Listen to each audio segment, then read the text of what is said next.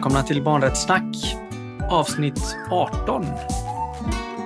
Det är en nedräkning inför att barnkonventionen blir lag mycket snart. Eh, Jag heter Linus? Torgeby.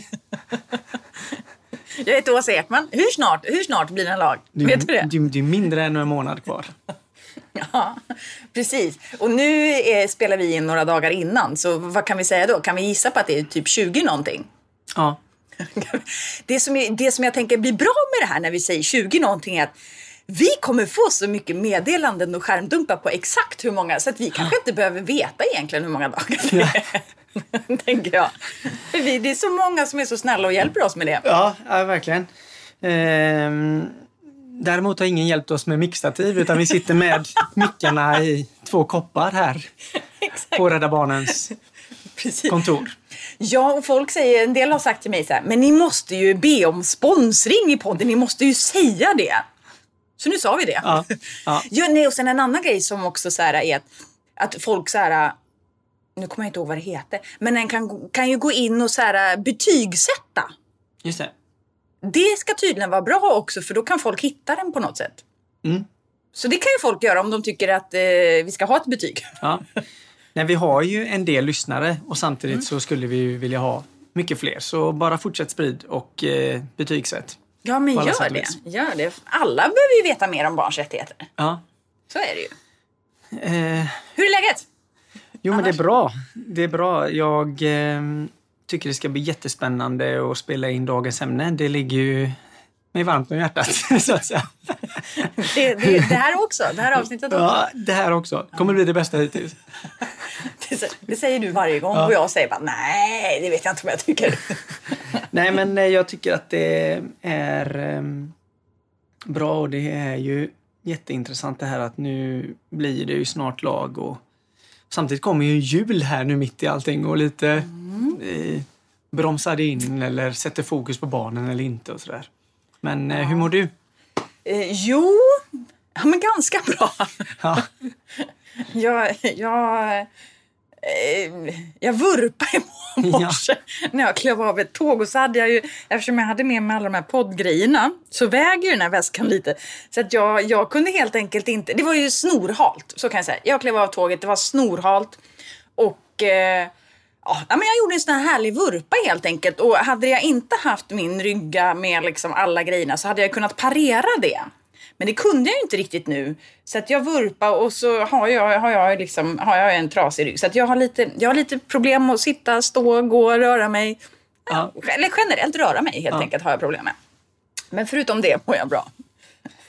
du, du har ju ställt dig upp och satt dig ner på så här, s- skevsidan så att säga. Lite så. Ja men det är lite så här, hur, hur jag än gör så, ja det är ingenting som funkar helt enkelt. Så, men det är bara, det är så här det är. Helt enkelt. Men ska vi hoppa in på, vi, vi, vi har som ambition att köra 30 minuter. Mm. Om artikel 23. Tre. Apropå Precis. funka. Eller hur? Ja. Att funka. Ja. Och det handlar ju då om eh, barn med funktionsnedsättning. Det är det som artikel 23 behandlar specifikt. Och artikel 23, den är ju liksom någonstans också, kommer ju utav, för det här är ju också en del av artikel 2 om, om icke-diskriminering och allas lika värde. För redan i den, i artikel 2 så står det ju liksom att alla barn, oavsett om du har en funktionsnedsättning eller inte, så har du ju rätt till alla rättigheterna. Men så finns det ju ytterligare en artikel för att förstärka det. Och visa på att det verkligen är så att barn med funktionsnedsättningar också är barn som har rättigheter. Och det som jag tycker är lite kul med den artikeln är ju också att barnkonventionen är den första konventionen som har en egen artikel just för barn och unga med funktionsnedsättningar. Det är ju inget annat så här, mänskliga rättighetsdokument som har liksom, ja, men, tydliggjort det i en helt egen artikel. Så det är ju också lite spännande. Sen finns det ju en helt egen konvention med. Ja, och den tror jag Sverige ratificerade 2006. Så den är ju lite nyare än barnkonventionen. Eh, och den tar upp mer, liksom, ännu mer eh, liksom hela olika delar och spektra ur det här med att ha en funktionsnedsättning och hur, vad man kan göra och hur, hur man ska liksom tänka på det. Så att när ni, om ni känner så här att ja, men, den här artikeln säger ju lite lite för att den är ändå inte jätteomfattande. Den är ganska så kort på ett sätt. Så är det jättebra att läsa, titta på den konventionen också. Funktionsrättskonventionen? Ja, för att där får man flera andra delar eh, som är bra att liksom koppla på det här. Mm. Och den är inte jättesvår att läsa. Eh, den är intressant, det är ganska korta mm. meningar. Så, så att, så att eh, ta en titt på den om ni vill. Mm. Vad står det i artikeln? I artikel 23, ja men precis, ja men det står ju om, alltså den är ju ändå för att vara en barnkonventionsartikel, den är ju lite längre ändå än mm. en liksom, men Ja, men det står ju till exempel att det handlar om ett fullvärdigt och anständigt liv och det ska, liksom, ja, det ska ha med värdighet och tilltro till den egna förmågan och möjliggöra barnets aktiva deltagande i samhället. Det mm. tänker jag är en sån kärngrej i det, att möjliggöra barnets aktiva deltagande i samhället. För det ställer ju ganska mycket krav på alla runt omkring barnet mm. att möjliggöra det. Men sen står det alltifrån att det ska vara ja, men, särskild omvårdnad och stöd med utifrån vad som är lämpligt liksom, kring barnet och utifrån föräldrarna och så här. Det ska vara ett kostnadsfritt stöd. Tillgång till så här, utbildning, hälsa, sjukvård, rehabilitering, habilitering och, och alltså förberedelse för, för arbetslivet och, och också ja, men det som står om möjlighet till så här, rekreation som bidrar till att, ja men återigen till det här barnets utveckling, både en så kulturell och andlig utveckling, ja, men hela, hela spannet där. Och sen så slutligen i sista delen i artikeln handlar om alltså att det ska främja det internationella samarbetet eh, med alltså utbyte av information och sådär och förebyggande så här, hälso, hälsovård, behandling och ja men för att vi ska bli bättre på att hjälpa varandra helt enkelt bli bättre på allt från olika ja, behandlingar och så vidare. Mm. Och redan i texten här så kan vi ju se att det här berör ju många olika barn med många olika slags funktionsnedsättningar. Mm. Mm. Ehm, och det finns ju mer än vad vi vet om här. Ja men det är lite samma sak här som att säga att ja, men det är ju barn, då, liksom en treåring är så här. På samma, mm. alltså, det är exakt samma sak är det ju här. Vi kan ju mm. inte säga så här, jo men ett barn med en funktionsvariation eller funktionsnedsättning, ja, men då är det sådär. Mm. Alltså det är ju människor. Ja, och vi, om vi skulle sitta och säga vilka funktionsnedsättningar som, som barn har, då hade vi säkert missat någon. Så det kommer vi inte göra. Mm. Men det finns ju så många olika. Det finns ju... Ska du börja rabbla nu? Nej, nej, men man kan vara född med det. Det kan mm. vara väldigt tydligt och det syns redan när man föds. Mm. Sen kan det vara någonting som man upptäcker eller som kommer när man är lite mm. äldre mm. barn. Mm. Eh, sen kan det vara en funktionsnedsättning som man förvärvar genom en mm. olycka eller en sjukdom. Um, det kan ju också vara någonting som är liksom en kort period. Ja, precis. Att man, ja, precis. Så att, så att spektrat är ju jättestort och även inom eh, en viss eh, funktionsnedsättning eller inom ett syndrom kan det också vara jätteolika hur mycket vård eller stöd eller så som man behöver eller mm. anpassningar och sådär. Ja, och där tycker jag det blir också en sån viktig grej att det är ju i första hand är det en människa. Ja. Sen kanske i andra hand är det ett barn. Sen kanske i tredje, fjärde, femte, sjunde eller liksom trettioåttonde så är det en person som har en funktionsnedsättning eller normbrytande funktionsvariation. Eller... Mm. Mm. Men det kanske ska vi säga någonting alltså Det finns ju så himla många olika begrepp kring det här. Ja. Och funktionsnedsättning kanske vi kommer säga mest utifrån att det är det som står i lagen. Det är det som lagen liksom berör och, och reglerar. Så du, det är ändå ett ord som måste upp. Mm. Men det, vi pratar ju om allt sånt funktionsförmåga, funktionsuppsättning, funktionsvariationer, normbrytande funktionsvariationer. Vad finns det mer? Det finns ju Eh, sen finns det ju vissa liksom begrepp eh, som vi direkt liksom kopplar till ja, men handikappparkering. Och, alltså det ja, finns massa så här ja. eh, som är liksom eh, kopplat till att en person har en viss rättighet eller behöver någonting eller sådär. Vissa av dem kan man känna, oh det här känns eh, märkligt att säga och det här känns, hur, hur, hur känner jag här nu inför det här ordet? Um, men det som jag tror kan vara viktigt just med det här med funktionsnedsättning, apropå att det är en lag, är ju det här att amen, det är inte ett jämlikt samhälle. och, och ähm, det här som, som det här barnet har gör att det inte liksom får fullt tillträde. Så att det handlar om en politiserad del av det här. Liksom. Mm. så.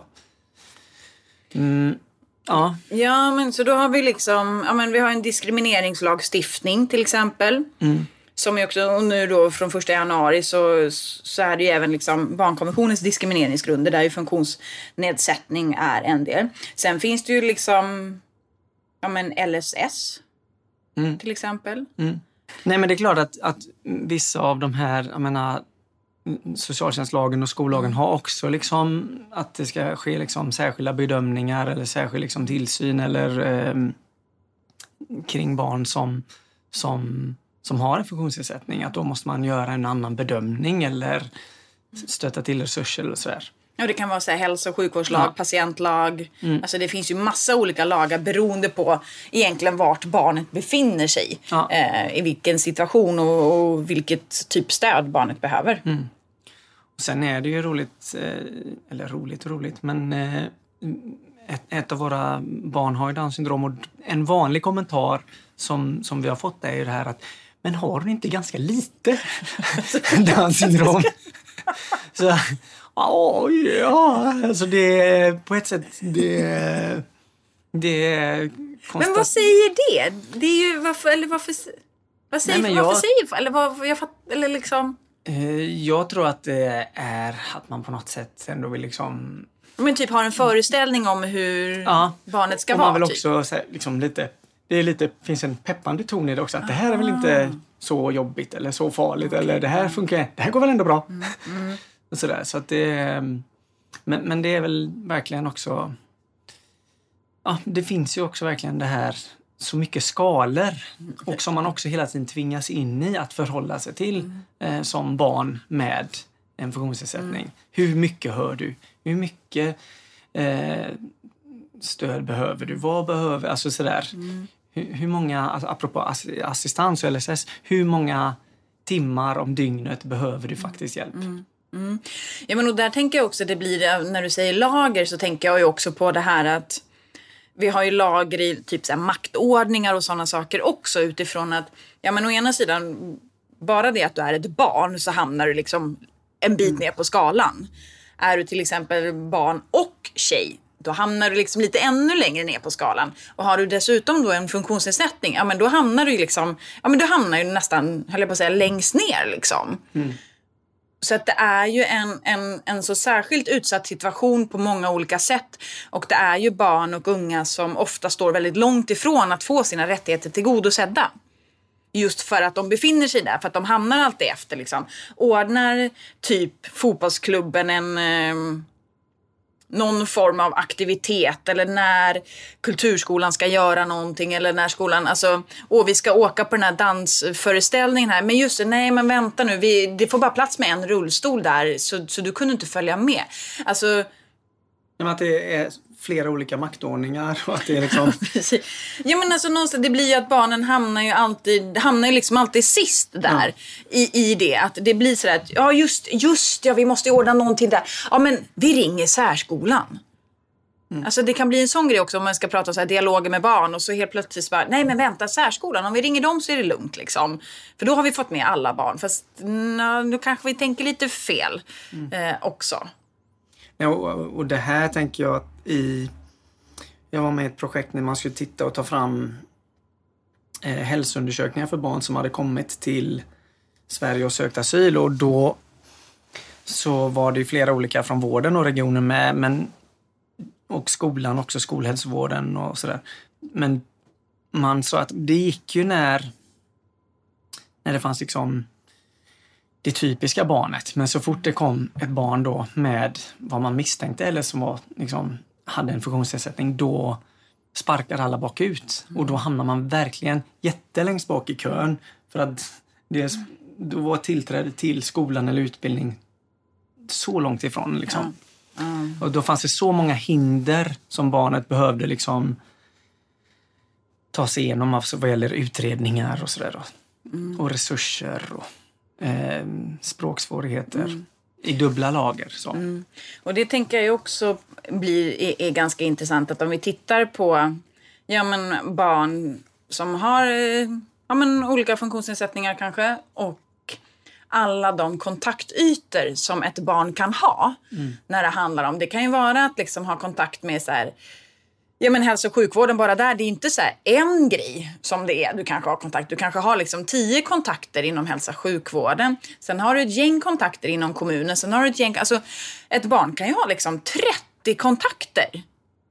Och då tänker jag lite, och det här är, det krävs ju, det krävs rätt mycket av de vuxna runt omkring barnet för att kunna ha koll på allt det här.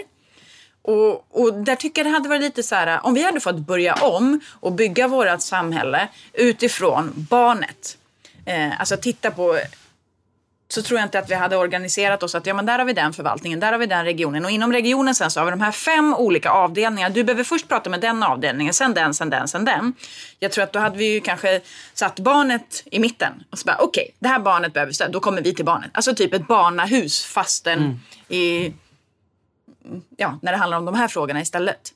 Ja, och, och där är det verkligen att man missar att se barnets behov. Och där tänker jag när vi gick en tackutbildning, alltså ett, eh, ett kommunikationsstöd för barn som behöver det. Mm. Eh, och I den utbildningen så var det så tydligt att eh, vissa föräldrar återkom alla kurstillfällen medan andra inte återkom alla kurstillfällen. Och, och vi som kom var ofta då väletablerade i samhället.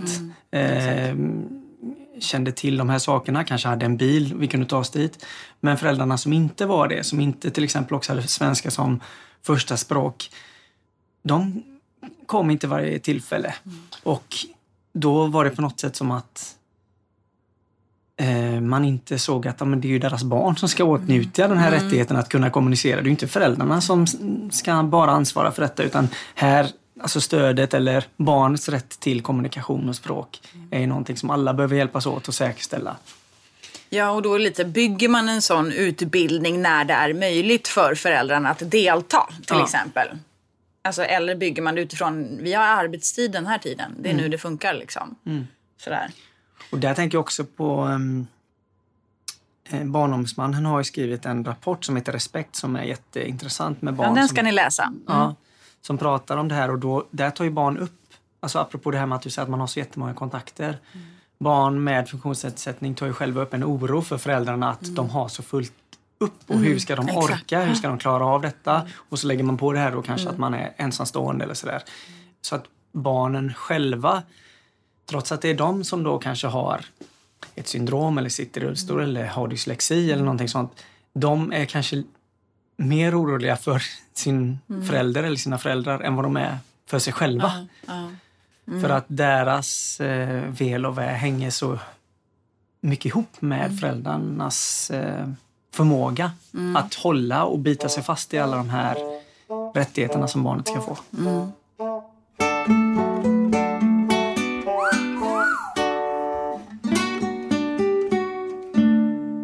Nu kommer jag inte exakt ihåg citatet, men jag tycker att i den rapporten så finns det ett jättebra citat som jag minns som är någonting i stil med jag kan inte skilja på vad som är min diagnos och vad som är jag.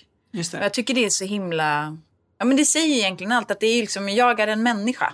Liksom. Mm. Och man kan säga att Barnombudsmannen gör ju årliga temarapporter. Mm.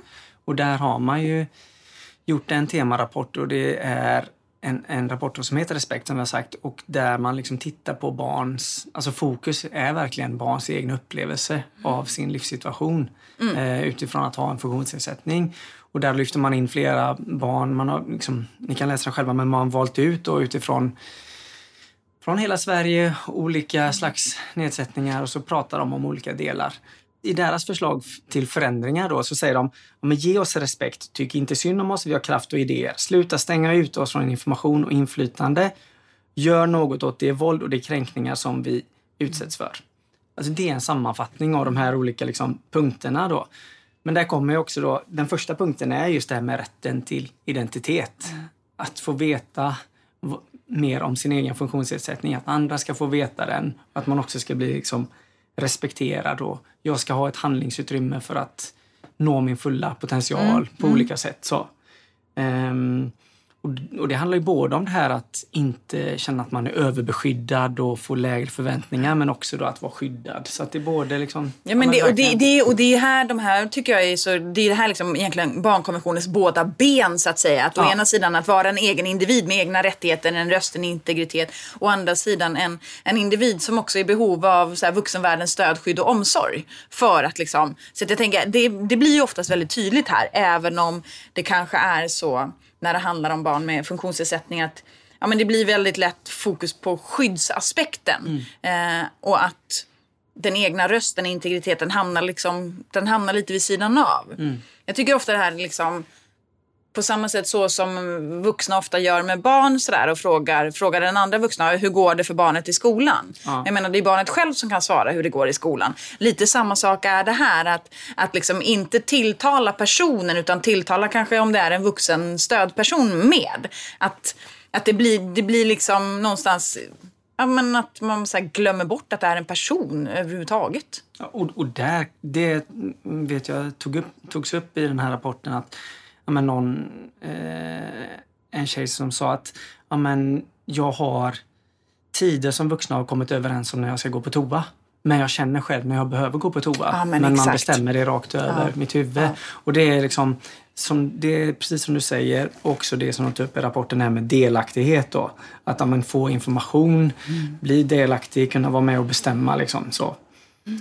Um, ja, för det tänker jag om du bara tittar på, om vi nu är inne på det igen, alltså titta på alla, alla kommuner till exempel som har ungdomsfullmäktige, ungdomsråd, alla det.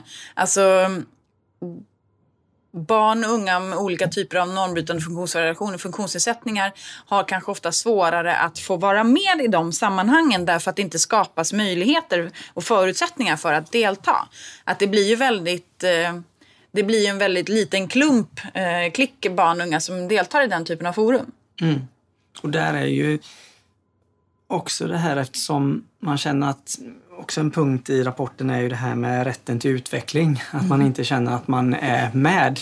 Och att eftersom man kanske inte blir liksom inbjuden eh, eller att eh, personer har låga förväntningar mm. på en så, så är man inte eh, fullt ut liksom man känner inte att man får inte den utveckling som man liksom har rätt till. Så. Um, och det, det, det, har man också blivit liksom sin högsta möjliga utbildningsnivå. Mm. Alltså ja. det är inte bara liksom du ska knapa dig över E1 liksom, mm. utan du ska nå det högsta möjliga. Och där behöver ju det skapas mer kreativa lösningar så att man inte går igenom skolan med liksom ett totalt misslyckande mm. för att man inte klarar av att läsa till exempel. Ja, mm. ja men exakt. Ja. Är det någonting mer som rapporten säger som vi, som vi vill ta upp? Eh, en del som rapporten tar upp är ju liksom flickors situation. Mm, det har vi också exakt. nämnt. Mm. Men det är också viktigt, i synnerhet kring, kanske kring neuropsykiatriska funktionsnedsättningar. Så att man inte är diagnostiserad i samma utsträckning. Alltså, man är inte där riktigt med tjejer. Um, och eh, sen också det som jag tagit upp då, det här med samordnarfunktionen och föräldrastöd. Mm. Det är också någonting som man upplever att det behöver man liksom eh, ja, ta upp det och, och liksom det här med assistent och liksom behöva berätta och informera ännu en assistent mm. och alltså sådär. Så att det är liksom, ja, verkligen försöka göra det barncentrerat ännu mer. Mm. Och ja. sen också rätten till skydd och mm. våld och mm. kränkningar och att också det här att barn känner ju att ibland utsätter jag andra barn också för kränkningar på grund av eller eftersom jag har det här. Liksom. Det är man också, barn beskriver också barn den medvetenheten, och det är inget roligt beskriver de att känna det. Mm. Liksom. Jag skrämde andra och sen så slog jag någon och sen slog jag någon tillbaka och sådär. Det är också något man tar upp. Mm, ja, men det kan jag också uppleva, eh, tycker jag, i möten med barn och unga. Att, att barn och unga själva får liksom inte information. De vet att det är någonting, att ja, men den här personen blir ofta väldigt arg. Eh, men mm. och unga, märker det och vet det men de får ingen information. De får inte veta varför vilket gör att det blir ett, ett ännu större liksom glapp eller gap. Att det blir alltså en exkludering istället för att liksom inkludera med, med information på olika sätt. Mm. Och som vi sa i avsnittet om våld, det handlar inte bara om alltså, fysisk misshandel. Eh, det är också någonting man beskriver om att, ja, men att, att vara utsatt på nätet, kommentarer på bilder mm. man lägger upp på sig själv. Mm. Eh, det är också någonting som man tar upp som är väldigt eh, liksom, kränkande och jobbigt. Alltså så, att, så att vi inte bara tänker att våld är fysisk misshandel. Nej, för att det handlar om hela det spektrat av mm. liksom, försummelse och sådär. Mm. Um, så att uh, ja, det är verkligen jätteviktigt och det är på alla arenor som barn blir utsatta för det då. Mm.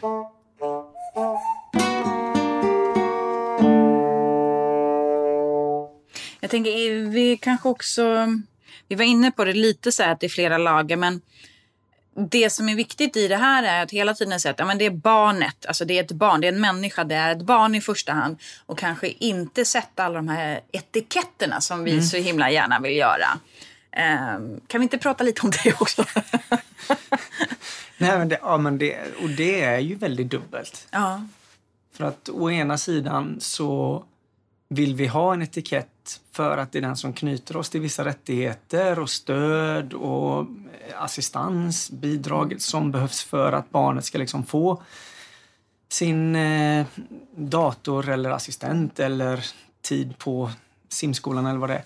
Å andra sidan så i samma ögonblick som vi sätter den etiketten så blir ju också barnet eh, Mindre synligt? Mindre synligt, mm. eller ett NPF-barn eller ett, vad det nu är, ett mm. annat barn mm. med en diagnos som prefix. Mm. Och det är ju någonting som, som är en himla utmaning tycker jag att jobba med. För det finns en, om jag nu går till mig själv eh, också, så finns det ju en, som förälder då, så kan det finnas en, eh, inte en frestelse, låter kanske hårt, men någon slags här, men man lyfter upp det ganska ofta. Och det är inte alltid till fördel för barnet, tror jag. Alltså att eh. synliggöra att hej, kolla här. Ja, alltså... hej, kolla här, titta mitt barn har detta. Nu är vi här, nu gör vi si, nu gör vi så.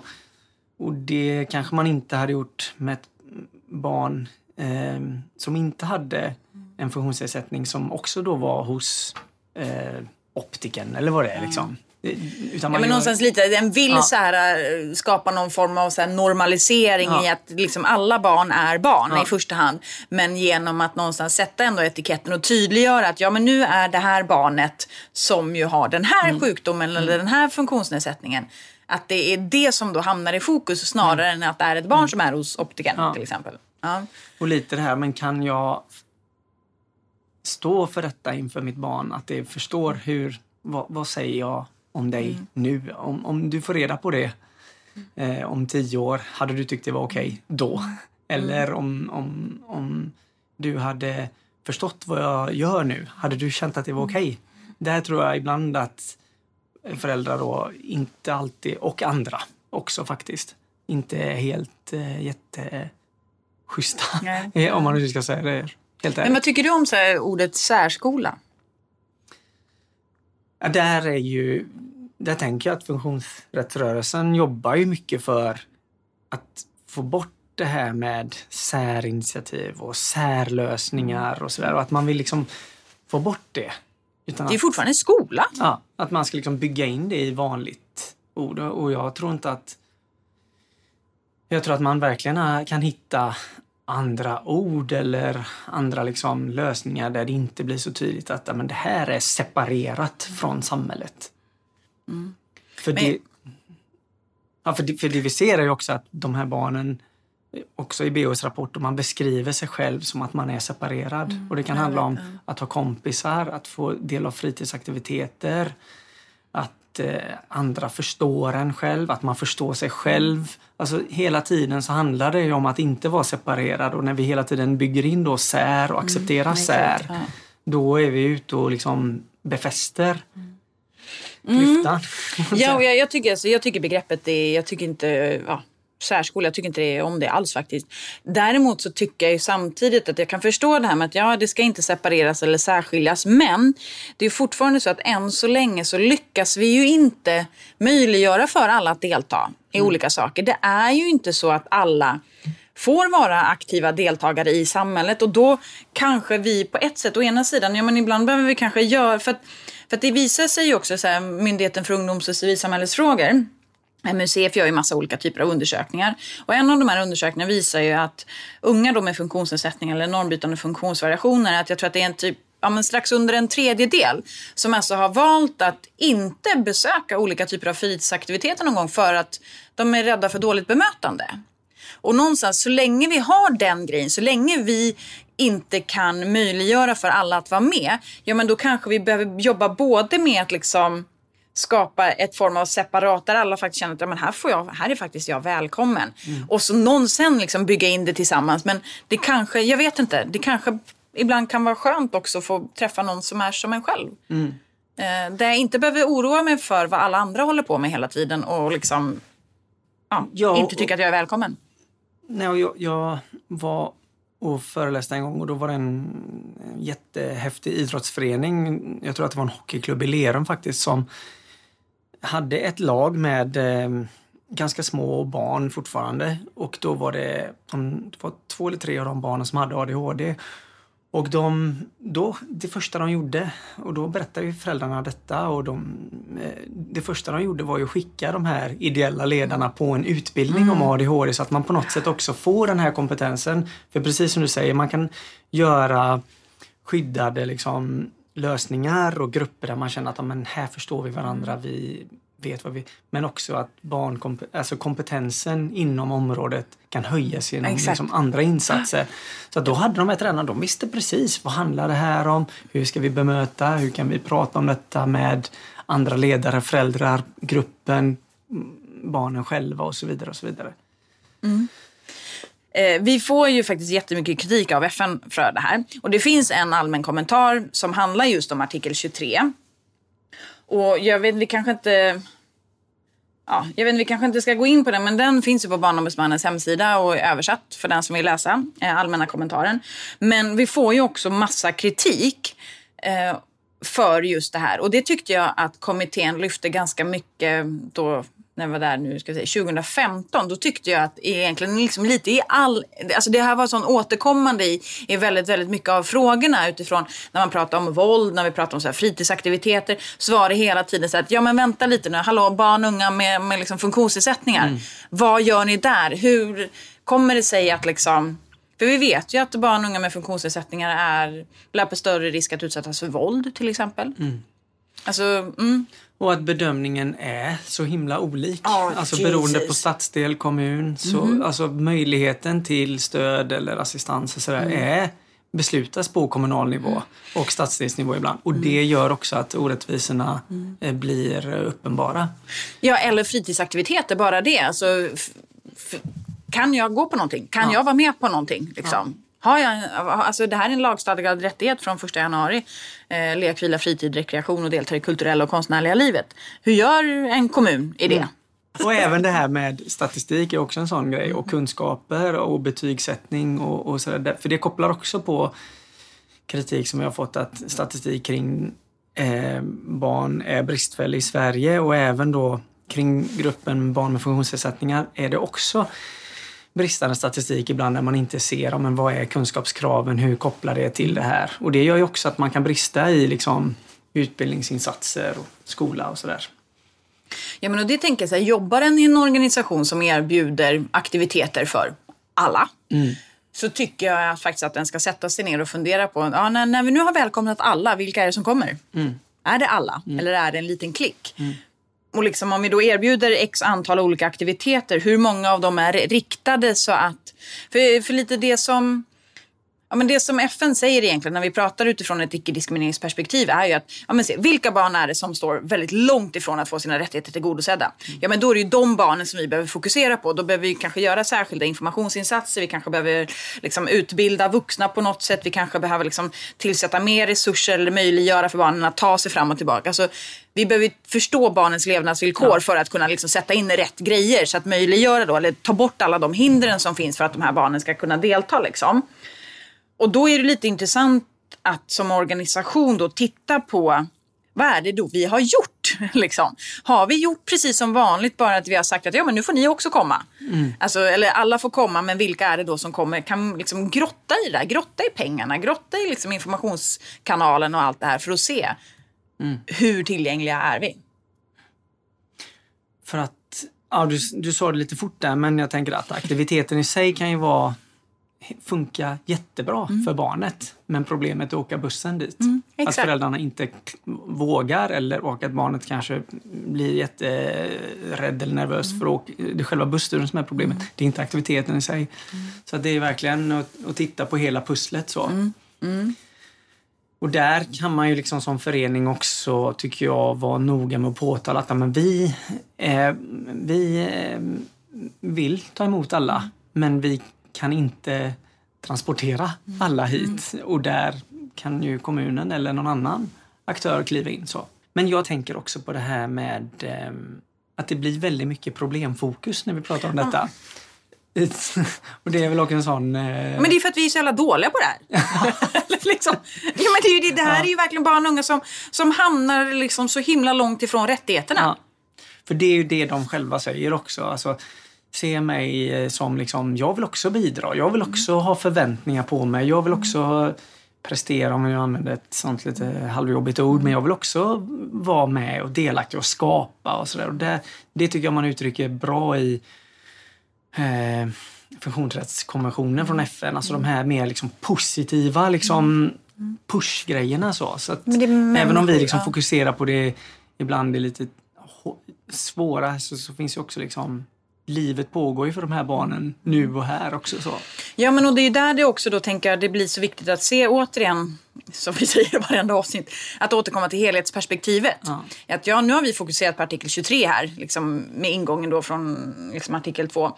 Men det är ju fortfarande så att alla rättigheterna gäller barn med funktionsnedsättningar. Ja, men du har fortfarande liksom rätt till liv och utveckling, att nå din fulla potential, att, att få ha liksom, hopp om framtiden och drömmar och tro. Alltså, det är ju fortfarande så att de här rättigheterna gäller ju alla barn. Det är just det, varje barn har rätt till alla rättigheterna. Mm. Men i det här fallet måste vi prata ganska mycket om de problemen som vi som samhälle har eftersom vi inte lyckas att alla barn får de här rättigheterna. Mm.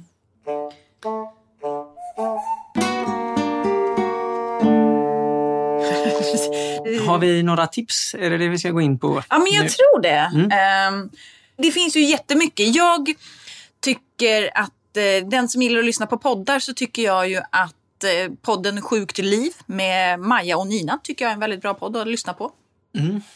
Och jag eh, tipsar er att gå in på Ågrenska som är ett center eh, utanför Göteborg som har familjeveckor och utbildningar eh, kring barn med funktionsnedsättning, alla möjliga. Där finns det ofta stora liksom, kunskapsunderlag. Så. Mm. Och där kan de också ge är jättebra och jätteintressant och, och väldigt rolig och bra mm. verksamhet. Ja, och så, och så läste då Barnombudsmannens eh, rapport Respekt. Ja, jag tycker om man sen kan kolla också Youtubern eller influencern Nathalie Eriksson är också någon att följa, kolla. Mm. Um, vad har vi med? Det, sen finns det ju massa Instagram-konton ja. liksom också. Finns det en mängd. Och det finns en funktion, eh, en eh, organisation eller stiftelse som heter Our Normal där familjer kan koppla ihop sig med andra familjer utifrån ett närområde, utifrån en app där man skriver in så att man kan få de här eh, bli vän med en familj som har barn och barnen kan bli vänner med varandra och sådär. Så ah, det är också en jättebra ah. grej. Min stora dag är mm. också en, eh, en fantastisk organisation som uppfyller önskningar med barn med allvarliga sjukdomar eller diagnoser. Ja, nej, men det Sen finns, finns det massa tv-program och, och, och, sånt också som ja, är så jättebra. Och intresseorganisationer ja, som finns har... hur många som helst. Mm. Så... Um med det så säger vi, och jag kommer att göra en, men den går inte att köra här i podden, men jag kommer att göra en tävling med dig när jag gör olika tecken som du ska gissa vad det betyder. Okej, okay? men det kommer komma på Insta-kontot då där jag gör olika tecken och filmar och så ska Åsa gissa vad är det här. Alltså, jag, kan, jag tyckte att det var så bra när jag fick testa dig. jag tycker det var mycket roligare. Ja. Fram tills eh, nästa vecka så har det så fint. Ja. Vi hörs! Tack för idag! Hej, hej, hej, hej!